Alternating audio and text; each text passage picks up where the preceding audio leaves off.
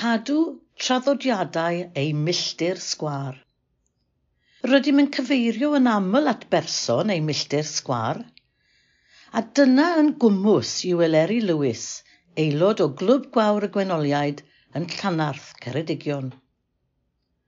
Rwyf yn adnabod Eleri ers blynyddoedd gyda cheau fferm ffosfald ei chartref yn ffinio a cheau fferm fy nghartref i.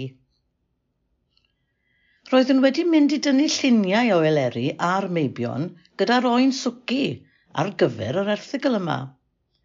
Heb ystyried bod hynny ar yr union ddyddiad pryd collodd ei thad Daniel ddwy flynedd yn ôl.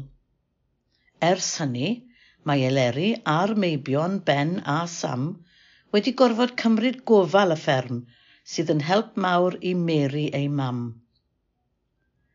Tybiaf, y bydd llawer ohonoch yn adnabod wyneb eleri gan ei bod wedi ymddangos ar raglenni Peder Wal a Dan Do gyda galed Samuel. Oherwydd iddi drawsnewid hen ffermdy a oedd yn adfail ar dir ei chartref. Esiampl wych o di hir Cymreig. Ond cyn edrych ar hynny, dewch i fi gael rhannu ambell i ffaith amdani.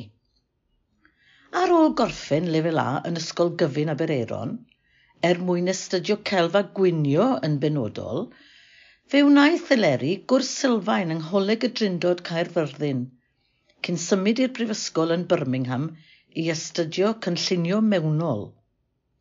Ffasiwn oedd y bwriad gwreiddiol, ond tra yn y drindod, cafodd flas ar gynllunio mewnol, a dyna hi, ar y ffordd i fod yn gynllunwraig hynod o dalentog. Ar ôl graddio, bu'n gweithio yn adran rhwymo'r Llyfrgell Genedlaethol am gyfnod, cyn penderfynu mynd i deithio i Zeland Newydd. Bu yno am bron i ddwy flynedd yn gweithio fel cynllunwraig yn gwisgo ffenestri amryw o siopau. Ond yr hiraeth enillodd yn y diwedd ac am adre y daith a sefydlu busnes ei hunan yn cynllunio a chreu cardiau amrywiol. Roedd byw gartref yn gret, ond roedd wir angen lle bach i alw yn gartref personol, a dyna ddechrau ar draws newid yr hen fwthyn tŷ fferm, tŷ hir traddodiadol.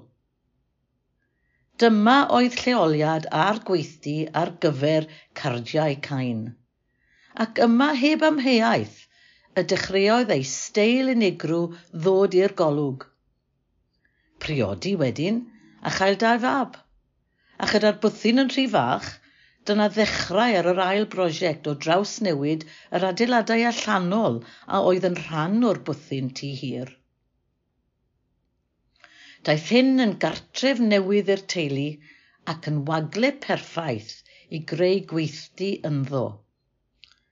Daeth cyfle wedyn i droi tu hir yn fwthyn gwyliau – Roedd mam Eleri eisoes wedi gwneud hynny gyda'r bwthyn bach ar glos y fferm yn Ffosfald, a hynny yn sgil poblogrwydd bythynod gwyliau ffermdi yn yr 80au. Erbyn hyn, mae Eleri wedi sefydlu cwmni Si and Slate yn gweithio gyda phartner busnes. Cwmni sydd yn arbenigo mewn bythynod gwyliau unigryw yng Nghymru. Eleri sydd yn rheoli'r bwcio tra bod y partner busnes yn gofalu am y marchnata. Swydd mae Eleri yn ei gwneud o'i chartref gan fod y cyfan yn hygyrch iddi trwy'r we. Ac wrth edrych ar yr olygfa allan o ffenestr y swyddfa, pwy fyddai yn amau hynny? Mae'n ferch sydd yn deall traddodiadau Cymreig, yn medru dal dafad pan fo'r rhaid, yn tyfu llisiau yn y tŷ gwydr ac yn defnyddio eu llygaid a'i thersonoliaeth wrth drawsnewid yr amryw fythynod yn ei gofal. Mae hefyd yn aelod brwd o Glwb Gwawr y Gwynoliaid. Wedi ymuno â'i chwaer Meriel gan adoedd clwb lleol ar gael.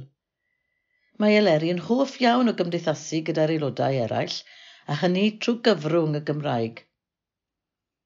Mae wedi bod yn bleser rhannu ei stori gyda chi a darllenwyd y stori gan Hazel Thomas, swyddog datblygu a hyrwyddo canghennau a chlybiau gwawr rhanbarth Ceredigion a Phenfro.